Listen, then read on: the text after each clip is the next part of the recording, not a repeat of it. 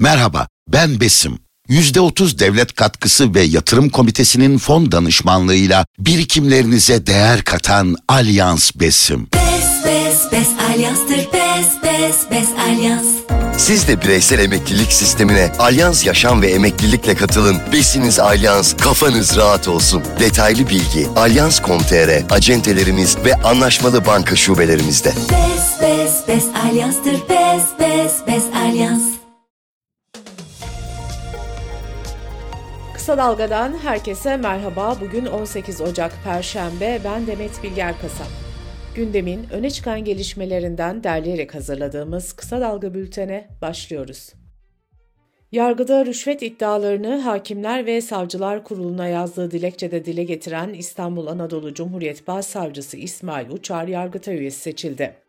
Uçar'ın yanı sıra Adalet Bakan Yardımcısı Hasan Yılmaz, Ankara Cumhuriyet Başsavcısı Ahmet Akça ve İstanbul Anadolu Başsavcı Vekili İhsan Kamil Akçadırcı da yeni Yargıtay üyeleri oldu. Yerel seçimlerde oy kullanacak seçmenlerin listesi dün askıdan indirildi. Yüksek Seçim Kurulu listelere ilişkin itirazları cumartesi gününe kadar karara bağlayacak.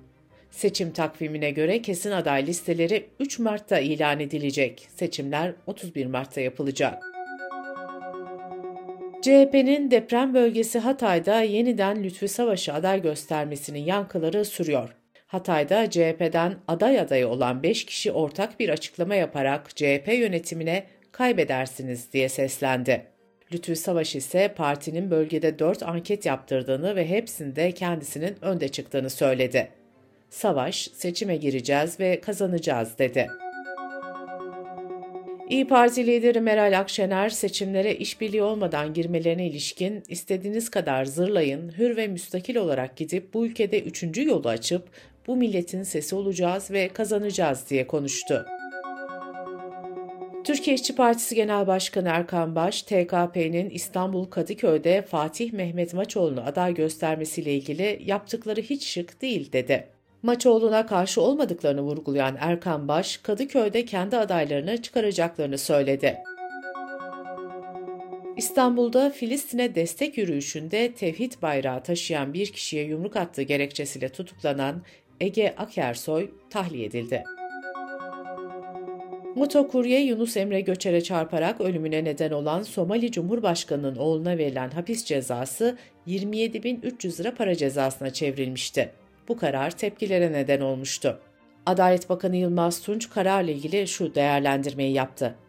Taksirle işlenen suç mahkemenin takdiri. Şikayetçinin vazgeçmiş olması da böyle bir sonuç doğurdu. 6 Şubat depremlerinin üzerinden yaklaşık bir yıl geçti. Hatay'daki sendikalar, meslek odaları ve siyasi partiler 6 Şubat Platformu adıyla bir araya geldi. Platform, depremin birinci yılında Büyük Hatay buluşması düzenleyecek.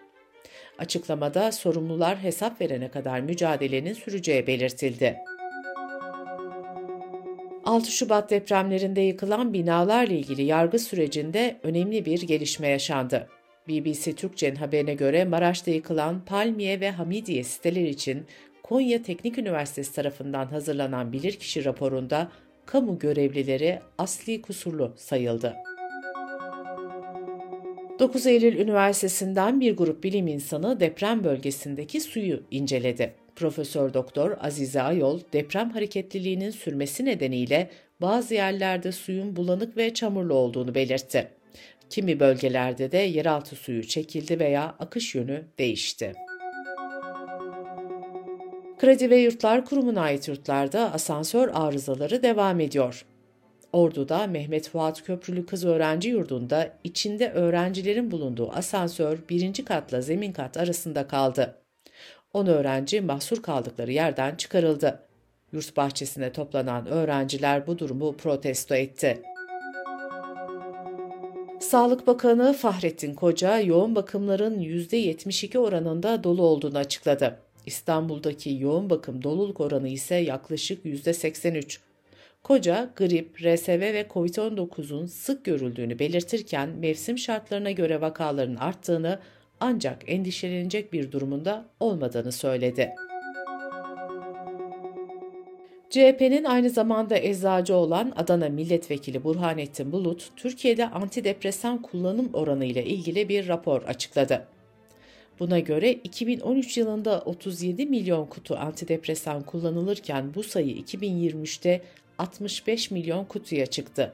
Yani %75 oranında arttı. Meteoroloji Genel Müdürlüğü'nün açıklamasına göre Aralık ayı yağışları mevsim normallerinin altında ancak geçen yılki yağışların üzerinde oldu. Türkiye geneli yağışlar normaline göre %10 azalırken geçen yıl Aralık ayı yağışlarına göre %89 arttı. Kısa Dalga Bülten'de sırada ekonomi haberleri var. Cumhurbaşkanı Erdoğan, SGK, Bağkur ve tarım emeklilerinin maaşlarına 5 puanlık artış yapıldığını ve zammın %42.6 olduğunu açıklamıştı. En düşük emekli maaşı da 7500 liradan 10.000 liraya çıktı. Düşük maaşlı emeklinin zam oranı %33'te kaldı. Diğer emeklilerdeki artış %42.6 oldu. Bu aşamadan sonra en düşük emekli maaşı ve refah payı için kanun teklifi hazırlanacak ve torba yasaya eklenecek. Teklif meclisten geçtikten sonra resmi gazetede yayımlanarak yürürlüğe girecek.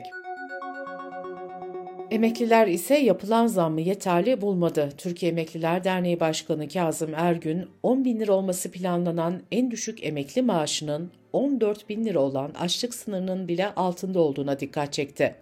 Ergün, zam oranlarının gözden geçirilmesini istedi. Türkiye'de sadece 14 ilde kişi başına gelir ülke ortalamasının üzerinde hesaplandı. Ekonomim gazetesinin haberine göre listenin ilk 3 sırasında Kocaeli, İstanbul ve Tekirdağ yer alırken listenin sonunda Van, Ağrı ve Şanlıurfa var. Merkez Bankası'nın verilerine göre özel sektörün yurt dışından sağladığı toplam kredi borcu 4.8 milyar dolar arttı ve 163 milyar doları aştı. Avrupa Merkez Bankası Başkanı yaz döneminde faiz indirimine gidilmesinin muhtemel olduğunu söyledi. ABD'li teknoloji şirketi Google'da daha yeni yılın birinci ayı dolmadan ikinci işten çıkarma dalgası geliyor. Şirket geçen hafta Google asistan ve mühendislik ekibinden binden fazla kişiyi çıkarmıştı. Bu haftada reklam bölümünden yüzlerce çalışanın çıkarılacağı belirtiliyor. Bloomberg HT'nin haberine göre işten çıkarmaların ana nedeninin yapay zeka olduğu iddia ediliyor. Dış politika ve dünyadan gelişmelerle bültenimize devam ediyoruz. İsrail ve Hamas Gazze'ye daha fazla insani yardım sevk edilmesi konusunda anlaştı. Avrupa Birliği Hamas'ın Gazze şeridindeki lideri Yahya Sinvar'ı terör listesine aldı. Husi güçleri Kızıldeniz'de bir Yunan gemisini vurdu. Dökme yük gemisi Vietnam'dan İsrail'e doğru yol alıyordu. ABD ordusu ise Husilere silah taşıdığını iddia ettiği bir İran gemisine el koydu. Geminin batırıldığı açıklandı. İran ise Husilerin eylemlerini cihadın canlı bir örneği olarak nitelendirdi. Pakistan, İran'ın düzenlediği bir saldırıda iki çocuğun hayatını kaybettiğini duyurdu. Pakistan bu saldırıların ciddi sonuçları olabileceği uyarısını yaptı. Avrupa İnsan Hakları Mahkemesi'nin açıkladığı bir karara göre CIA, 11 Eylül şüphelisi bir kişiye Litvanya'daki sorgulama merkezinde işkence yaptı. Avrupa İnsan Hakları Mahkemesi Litvanya'nın da buna izin vererek insan hakları yasalarını ihlal ettiğine karar verdi. Avrupa Birliği'nin Sınır Koruma Ajansı, AB ülkelerine kaçak yollarla geçen göçmen sayısının 2022 oranla %17 oranında arttığını ve 380 bine çıktığını duyurdu. Bu sayının 2016'dan bu yana en yüksek seviye olduğu vurgulandı. Almanya oy oranı giderek yükselen ve siyasi güç haline gelen aşırı sağcı Almanya için Alternatif Partisi'nin kapatılmasını tartışıyor. Bu partinin yetkililerinin neonazilerle gizli toplantılar yapıp göçmenleri ülkeden göndermeyi planladığı ortaya çıkmıştı. Bunun üzerine on binlerce kişi eylem yapıp partinin kapatılmasını istedi. Koalisyon hükümetinin büyük ortağı Sosyal Demokrat Parti'de şimdiye kadar sessiz kalan tüm makul vatandaşlara seslerini yükseltmeleri çağrısı yaptı. Kültür, sanat ve yaşam haberlerine bakalım. Türk sinemasının önemli yapıtlarını gün ışığına çıkarmaya amaçlayan İstanbul Film Festivali bu yıl Atıf Yılmaz'ın yönettiği ve başrollerini Türkan Şoray ile Oğuz Tunç'un paylaştığı Hayallerim, Aşkım ve Seni restore edecek.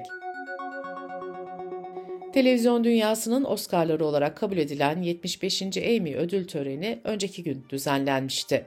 Törenin izlenme oranlarının düştüğü ortaya çıktı. Bu yılki töreni 4.3 milyon kişi izledi.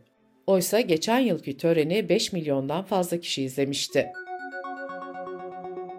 İngiltere'de soğuk hava alarmı verildi. Kuzey kutbundan gelen soğuk hava dalgası ülkede hafta boyunca etkili olacak. Birçok bölgede okullar tatil edildi. Bültenimizi kısa dalgadan bir öneriyle bitiriyoruz. Gazeteci Banu Güven'in Kısa Dalga'da yayınlanan Eğitimde Laiklik İlkesine 100. Yıl Darbesi başlıklı yazısını seslendirdiği podcast'ini kısa dalga.net adresimizden ve podcast platformlarından dinleyebilirsiniz.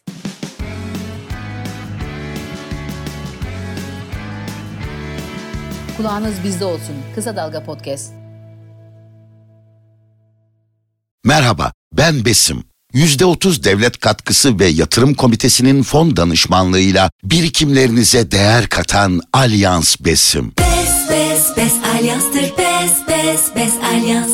Siz de bireysel emeklilik sistemine Alyans Yaşam ve Emeklilikle katılın. Besiniz Alyans, kafanız rahat olsun. Detaylı bilgi alyans.com.tr, acentelerimiz ve anlaşmalı banka şubelerimizde. Bes bes bes alyanstır bes bes bes alyans.